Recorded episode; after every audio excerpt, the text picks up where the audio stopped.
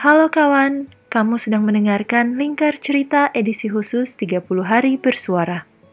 Terima kasih ya sudah singgah mendengarkan. Apa yang kamu dapat dari sebuah perjalanan kilas balik? Kalau sudah di akhir tahun seperti sekarang ini, kamu sering melakukan kilas balik nggak soal perjalanan sepanjang tahun? Biasanya dari kilas balik ini, kamu jadi tahu apa saja hal-hal penting yang sudah kamu lalui, atau kalau kamu tipe penulis diary atau jurnal, kamu malah bisa ingat kembali hal-hal sederhana apa yang tidak sengaja terjadi di hidupmu. Kilas balik juga erat kaitannya dengan penyusunan resolusi yang akan kita bahas besok.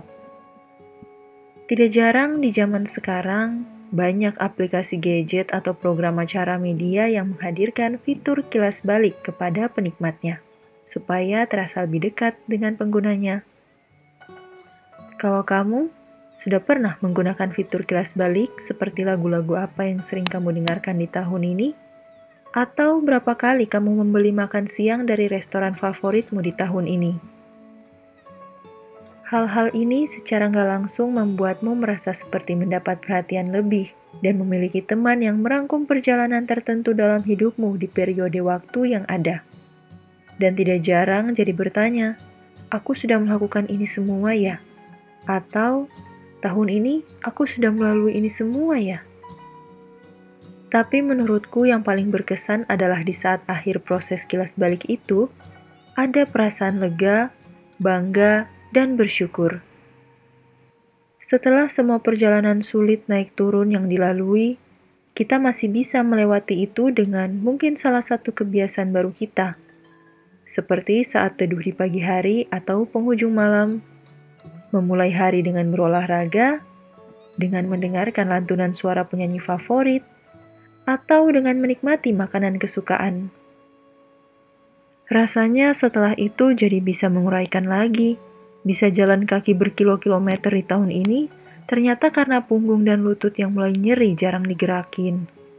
Bisa seneng banget dengerin podcast ini tahun ini, karena humor podcasternya bisa menemani di kala kerja dari rumah.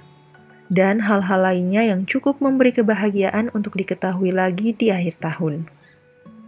Tidak jarang, kejadian-kejadian sulit yang juga terjadi di tahun itu ternyata berhasil membuatmu menjadi pribadi yang lebih kuat dan dewasa. Menghadirkan perasaan hangat di ujung tahun saat kilas balik ini dan mengingatkanmu lagi bahwa ternyata dirimu bisa melewati ini semua. Jadi, apa yang kamu dapat dari sebuah perjalanan kilas balik? Perasaan legakah? Atau penghargaan terhadap diri sendiri? Apakah kamu bahkan membuat rangkuman kilas balik dalam perjalanan sepanjang tahun di suatu buku? Boleh loh kamu ceritakan ke Instagram at 3.cak. Sampai jumpa!